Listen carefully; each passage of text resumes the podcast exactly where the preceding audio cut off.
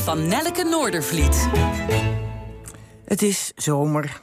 In Amsterdam zie ik meterslange rijen verdwaasde TikTok-toeristen voor winkeltjes staan waar je stroopwafels kunt kopen of friet met kaas of vieze pannenkoeken kunt eten. Hebben ze dat afgevinkt, dan huren ze een fiets en gaan zwermgewijs door de stad. Kunnen fietsen is geen vrijste. Uit de koffieshops zweeft de cannabiswalm naar buiten.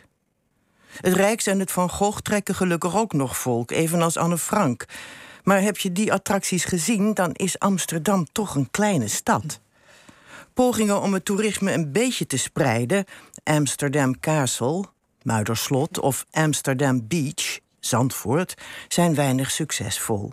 Maar Nederland is groter dan Amsterdam en toeristen hebben een zetje nodig. Ik wil er een attractie uitlichten, zowel voor de buitenlandse als voor de Nederlandse toerist. Het is een cadeau dat de Nederlandse staat in 1935 heeft gekregen van Helene Kruller-Müller. Een landgoed en een kunstcollectie. De geschiedenis van Helene, haar schilderijen en haar fortuin is interessant, pikant, controversieel zelfs. Maar hoe het oordeel over haar persoon ook mag uitvallen, haar collectie 19e-eeuwse en vroeg 20e-eeuwse kunst is ongeëvenaard. En er zijn weinig musea in de wereld die al zo vroeg op een zo organische manier kunst en natuur met elkaar verbonden. Het Krullermuller in het Nationale Park de Hoge Veluwe is een dagbestemming van grote klasse alle tijd en ruimte om rond te fietsen op een witte fiets. Een verder helaas mislukt Provo-idee uit de jaren 60. En bezoek het jachthuis van de Krullermullertjes, ontworpen als gezamtkunstwerk door Berla Berlage. Spot vervolgens een wolf op zoek naar de mouflons. Wandel door de beeldentuin van het museum, rust binnenuit voor de brug te Arles, haal diep adem en voel hoe kunst en natuur elkaar omarmen.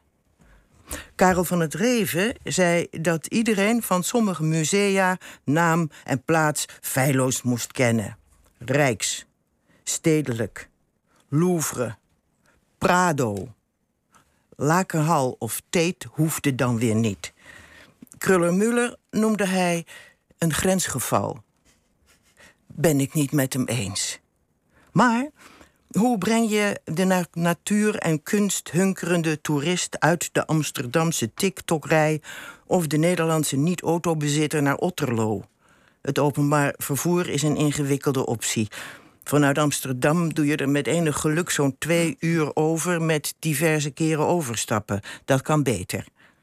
Wat heb je aan een cadeau dat vele miljarden waard is als je het moeilijk kunt uitpakken en bekijken? Een gratis shuttlebus van station Arnhem naar Otterlo lijkt me een goed begin. Of nee, we maken een TikTok-filmpje van een Vincent van Gogh lookalike... die een stroopwafel eet en een dansje doet voor zijn eigen zonnebloemen. Nee? Toch maar niet? Nou, we kunnen het proberen, Nelke. Allemaal naar het Krullenmuller Museum. Als je die mensen wilt die daarop reageren. Dat is een andere vraag. Goed.